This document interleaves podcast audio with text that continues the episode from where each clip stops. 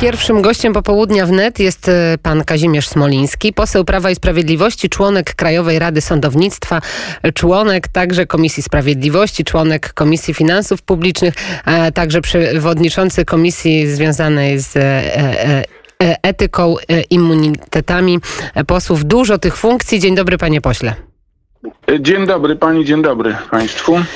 To może zacznijmy od tego, że jest pan członkiem Krajowej Rady Sądownictwa i te sądownictwo i ta praworządność są bliskie panu sercu.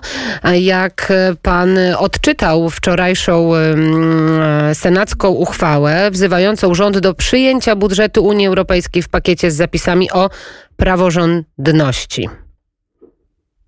Nie, no to jest y, po pierwsze przekroczenie uprawnień Senatu, bo Senat nie ma żadnych uprawnień w zakresie nadzoru czy jakichkolwiek y, rozliczania instytucji państwowych. Od tego jest y, y, Sejm. Senat ma tylko i wyłącznie jedno uprawnienie, to jest przyjmowanie lub odrzucanie ustaw sejmowych. Tak? To jest jedyne uprawnienie Senatu.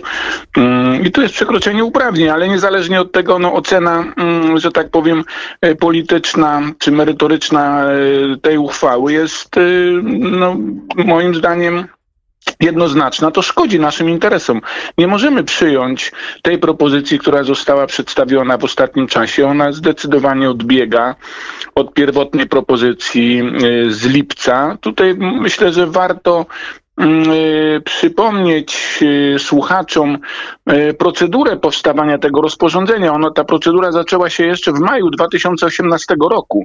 Jak Państwo pamiętacie, wówczas słynną wypowiedź Donalda Tuska, który stwierdził, że to jest bardzo ryzykowne mm, i że to krok w niewłaściwym kierunku, powiązanie, że tak powiem, pieniędzy z, z polityką, z ideologią. I wówczas też o tym się nie mówi, ale myślę, że warto przypomnieć, że 17 sierpnia 2018 roku Europejski Trybunał Obrachunkowy na skutek zwrócenia się przez Komisję e, przy tworzeniu wieloletnich ram finansowych e, jest op potrzebna opinia Trybunału i Trybunał wówczas wydał opinię, który, która stwierdziła, że rozporządzenie to odnośnie e, środków finansowych dałoby Komisji Europejskiej, tu zacytuję, bardzo szeroki margines swobody i podkreślono y, brak przepisów dotyczących szczególnych, szczegółowych konsultacji z zainteresowanymi stronami oraz oceny skutków, a także Trybunał zalecił ustalenie jasnych i konkretnych kryteriów definiowania, co stanowi uogólniony brak praworządności bo ciągle mówimy o ogólnionym braku praworządności. W tej chwili ten zapis, ten obecny, jest y, nawiązaniem do tych pierwotnych, y, właśnie ten z 2018 roku, który w lipcu 2020 został zmieniony.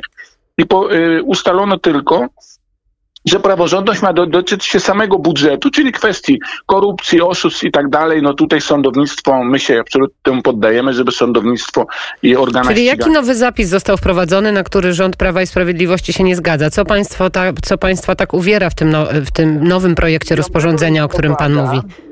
Tak, 5 listopada negocjatorzy Parlamentu Europejskiego ustalili z Komisją, że jeżeli chodzi o te szczególne przypadki, że jeżeli chodzi o budżet europejski, to nie chodzi tylko o przypadki korupcji, oszustw, ale zacytuję znowuż, obejmuje również naruszenia podstawowych wartości, takich jak wolność, demokracja, równość, poszanowanie praw człowieka, w tym praw mniejszości.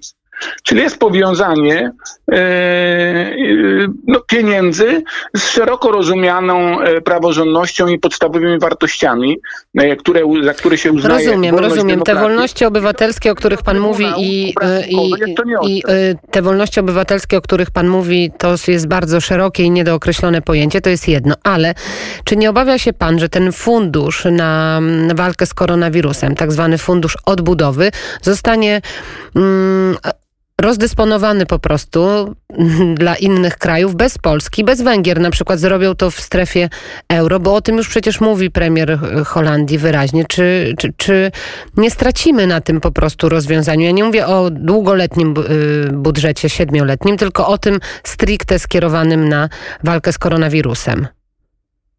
No, takie zagrożenie oczywiście istnieje, ale musimy wziąć pod uwagę, że gdyby tak postąpiono, to moim zdaniem jest to pierwszy krok do rozpadu Unii Europejskiej. To byłoby jawne złamanie zasady solidarności. Ale jak wtedy Polska powinna zareagować według Pana? Jak polski rząd powinien zareagować, jeżeli nas wykluczą z tego funduszu koronawiru koronawirusowego? No ja myślę, że to nie tylko, nie mogą tylko Polscy y, musiano by wykluczyć także Węgry czy Słowenię. Mhm. Tak, czy Słowenię e, i nie wyobrażam sobie, żeby to się stało. No gdyby tak się stało, no to znaczy, że oni nas nie chcą w Unii Europejskiej, tak? My mówimy wyraźnie tak dla Unii Europejskiej, nie zgadzamy się tylko z mechanizmami, które są niejasne, o czym Europejski Trybunał Obrachunkowy wyraźnie powiedział. No nie można takich ogólnionych e, definicji podawać. Czyli jaki pan, panie pośle, widzi teraz scenariusz? E, przeanalizujmy to. Jest weto, jest taka, a nie inna sytuacja, jeżeli chodzi o Polskę, Węgry i Słowenię nie dojdzie. Ja nie myślę, dojdzie, że, że się dogadamy. Tak, że prezydencja niemiecka będzie chciała na koniec mieć sukces. No mają tylko jeszcze m, mm, kilka tygodni, sześć chyba tygodni, tak, czy pięć tygodni niecałe zostało już m, mm, do końca ich prezydencji e, i będą chcieli mieć sukces, żeby jednak te pierwotne ramy ustalone w lipcu zostały przyjęte. Mm, no w przeciwnym wypadku no wchodzimy w nową prezydencję, E, wchodzimy w prowizorium budżetowe. To, to, nie jest pierwszy przypadek. Prowizoria budżetowe już były w Unii Europejskiej. I myślę, że kraje mm, no nie, nie odważą się na to. Ja po prostu nie wierzę w to, żeby odważono się wykluczyć niektóre kraje z funduszu odbudowy będzie duży nacisk na, na Unię, żeby ten fundusz y, powstał, dlatego szczególnie Europa Południowa bardzo na to no i tutaj, No i tutaj y, czekamy na rozstrzygnięcia, czekamy na informacje. Teraz przejdźmy już na y, polskie podwórko, teraz przejdźmy do tej polityki naszej krajowej. Pan dzisiaj intensywnie pracuje. Głosują Państwo w komisjach, głosują Państwo nad poprawkami do budżetu, które są najbardziej istotne, które są najbardziej znaczące i będą miały największy wpływ właśnie na nasz budżet. No poprawek, przepraszam, to są głównie poprawki opozycji, budżet został skonstruowany przez rząd i, i, i, my go jako większość parlamentarna popieramy. Większość, zdecydowana większość poprawek, czy prawie tam 90 czy ileś procent to są poprawki, czy nawet więcej, poprawki złożone przez opozycję. No różni posłowie nawet tam jakieś przejście dla pieszych chcą zrobić i tak dalej. Ja rozumiem, że to są rzeczy ważne lokalnie, no ale jednak mm, no, nie możemy wprost do budżetu zapisywać takich e, czy jakieś, rzeczy. Czy jakieś poprawki opozycji państwo zatwierdzili? Jakieś się panu spodobały? mamy 240 kilka poprawek, jeszcze żadna poprawka opozycji nie została przyjęta. Hmm. No gdybyśmy poprawki opozycji no to, przyjęli, to dlaczego? musielibyśmy budżet rozbudować o kilkadziesiąt miliardów złotych. Wszyscy chcą zabierać IPN-owi, wszyscy chcą zabierać kancelarii prezydenta, wszyscy chcą zabierać yy, kancel temu, no, IPN, kancelaria prezydenta, no czasami jeszcze yy, Sejmowi yy, i te wszystkie pieniądze rozdawać. No musielibyśmy budżet rozbudować prawie chyba o, nie wiem, 30-40%, żeby te wszystkie poprawki zrealizować. No, w ten sposób się budżetu nie da tworzyć. No. Wiele z tych rzeczy będzie, będzie zrobione w ramach środków, które są. No, przejścia dla pierwszych, na to są pieniądze, nie trzeba tego wpisywać do budżetu. Jak rozmawiamy o budżecie, oczywiście rozmawiamy o pieniądzach, to bardzo ważna sprawa. Tak zwana ustawa covidowa przewidywała dodatki w wysokości 100% wynagrodzenia wszystkim pracownikom ochrony zdrowia zaangażowanym w leczenie chorych na COVID-19. Ta e, ustawa nie została opublikowana, apelują środowiska medyczne, apelują te najbardziej zagrożone osoby do państwa. Dlaczego jeszcze tej y, ustawy nie ma? Dlaczego mm, nie ma pieniędzy? Czy co jest powodem? Są pieniądze na to, co myśmy ustalili w Sejmie. Senat y, niestety rozbudował tą pomoc do ogromnych rozmiarów, to jest kilka miliardów yy, miesięcznie, to jest kilkadziesiąt miliardów więcej trzeba by było przeznaczyć. No, no, budżetu na to nie stać, a już szczególnie mm, budżetu w zakresie Czyli ochrony. mamy się y, nie spodziewać publikacji tej ustawy covidowej? Nie, będzie publikowana. Mam nadzieję, że my jutro, że Senat jutro przyjmie to i my jutro będziemy mogli to przegłosować i, i ona by weszła w życie. Nawet jutro. Jeżeli jutro to będzie, to od razu kierujemy do prezydenta. Prezydent podpisuje, opublikujemy wszystko, żeby od 1 listopada te podwyżki mm, czy te dodatkowe środki były. Natomiast jeżeli Senat nam to przekaże e, późnym wieczorem, my będziemy do, do nocy głosować, także mam nadzieję, że jutro to przegłosujemy. Jeżeli Rozumiem, nie, to... panie pośle. Czyli jakie będą te dodatki, jakie będzie to dodatkowe wynagrodzenie dla osób pracujących w ochronie zdrowia? Ci, którzy bezpośrednio pracują w ochronie zdrowia związanej z, z walką z COVID-em, dostaną od 1 listopada 100% y, zwiększone wynagrodzenie. To jest bardzo ważna informacja, bo mm, tak jak wspomniałam, są y, apele różnych środowisk i domagają się oni tego, żeby te mm, pieniądze y, trafiły do ich rąk. No i.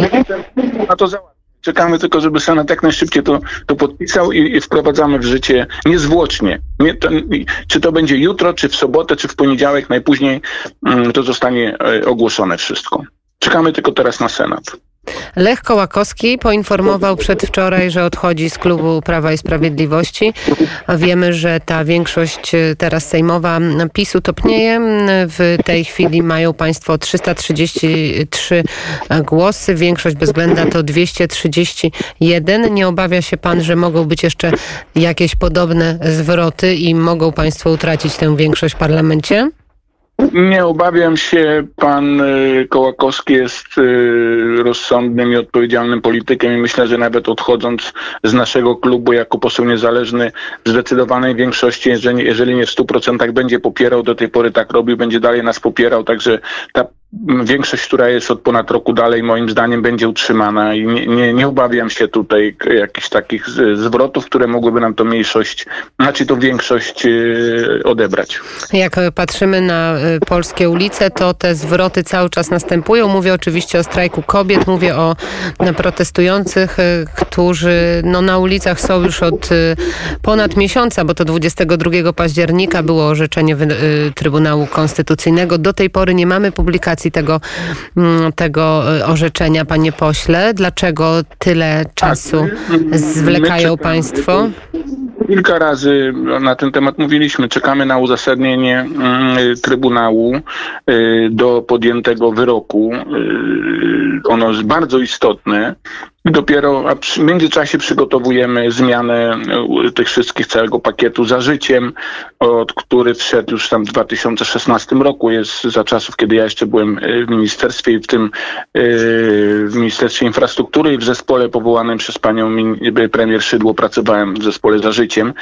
Także tam będą, będą poprawki. Niech wszyscy spokojnie na to czekają. Naprawdę wszystkie kobiety, y, które mają problem z dziećmi niepełnosprawnymi, będą y, w taki sposób traktowane, jakie powinny być. Także tu nie będzie zdecydowanie to się poprawi. Wierzę w to, że też to uspokoi y, wiele środowisk. No nie wierzę w uspokojenie tych ultrafeministycznych środowisk, bo ich nic nie zaspokoi.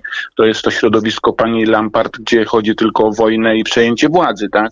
Ale ci, którzy rzeczywiście obawiają pojawiają się mm, y, kwestie opieki nad dziećmi niepełnosprawnymi, myślę, że przedstawimy projekt, taki projekt, który mm, y, no, w dużej mierze zaspokoi te oczekiwania. Pracujemy nad tym to, to będą, rozumiem, rozwiązania mm, związane z pieniędzmi. To będą dodatkowe fundusze, tak? Dla tych osób, które samotnie wychowują niepełnosprawne dzieci środki, ale również także instytucjonalna opieka, tak? Ośrodki opieki nad kobietami z dziećmi niepełnosprawnymi, e, taka usługa wytchnieniowa, żeby w każdym powiecie takie ośrodki były. Mm, takie było zamierzenie i chcemy to zrealizować. A na to... zgodzimy się na wolną aborcję, tak jak no, oczekiwania strajku kobiet są. No. W Europie nie ma takich rozwiązań, żeby była całkowicie swobodna y, tutaj wybór w tym zakresie. W każdym kraju jakieś ograniczenia są. A my w tej chwili po opublikowaniu wyroku będziemy mieli taki stanek w Niemczech, tak? Dwie przesłanki, y, które pozwalają zrobić aborcję. W Niemczech tak jest i my tak będziemy mieli. Zwracamy więc nasze oczy ku zachodowi w takich rozwiązaniach. A mm, jeszcze bardzo ważna sprawa to jest projekt y, prezydenta. Rozumiem, że państwo jako Prawo i Sprawiedliwość popierają tę inicjatywę i te wady letalne, o których mówi pan prezydent Andrzej Duda, będą w takim projekcie się zawierały i, i to będzie to, to rozwiązanie optymalne. Nie mamy w tym zakresie jeszcze decyzji, że tak powiem, politycznej. Czekamy na uzasadnienie tak jak powiedziałem, wyroku Trybunału, gdzie, czy można będzie na podstawie tego uzasadnienia uznać, że projekt prezydencki jest właściwy. Panie pośle, ale ponad miesiąc czekać na uzasadnienie, czy to naprawdę nie jest za długo? Czy uzasadnienie pisze się miesiącami? A, no tak bywa, że miesiącami. No. To, jest, to jest przełomowe orzeczenie, no jak wszyscy wiemy, tak?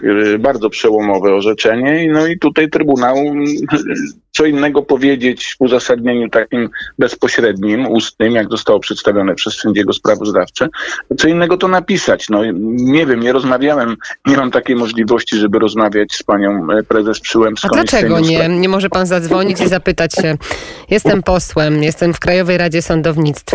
Pani prezes, co się dzieje z tym uzasadnieniem? No, pani prezes mi powie, tak, pisze się, uzasadnienie się pisze, pan, pan się sędzia, pisze. pisze, pisze, yy, no pisze, no to wierzę w to, że pisze, tak, no. I oby jak najszybciej napisał, tak, bo czekamy też, no ja się podpisałem przez tym wnioskiem do Trybunału, więc też czekam na to uzasadnienie to wszyscy przebieramy mm, nogami, wszyscy przebieramy dłońmi, żeby jak najszybciej, czy to na komputerze, czy to może odręcznie jest pisane, albo na maszynie, żeby to uzasadnienie bardzo szybko się napisało. Bardzo dziękuję. Pan e, poseł Kazimierz Smoliński, Prawo i Sprawiedliwość, członek Krajowej Rady Sądownictwa, był gościem popołudnia wnet. Dziękuję panie pośle. Dziękuję bardzo, dobrego dnia jeszcze. Również życzymy dobrego dnia.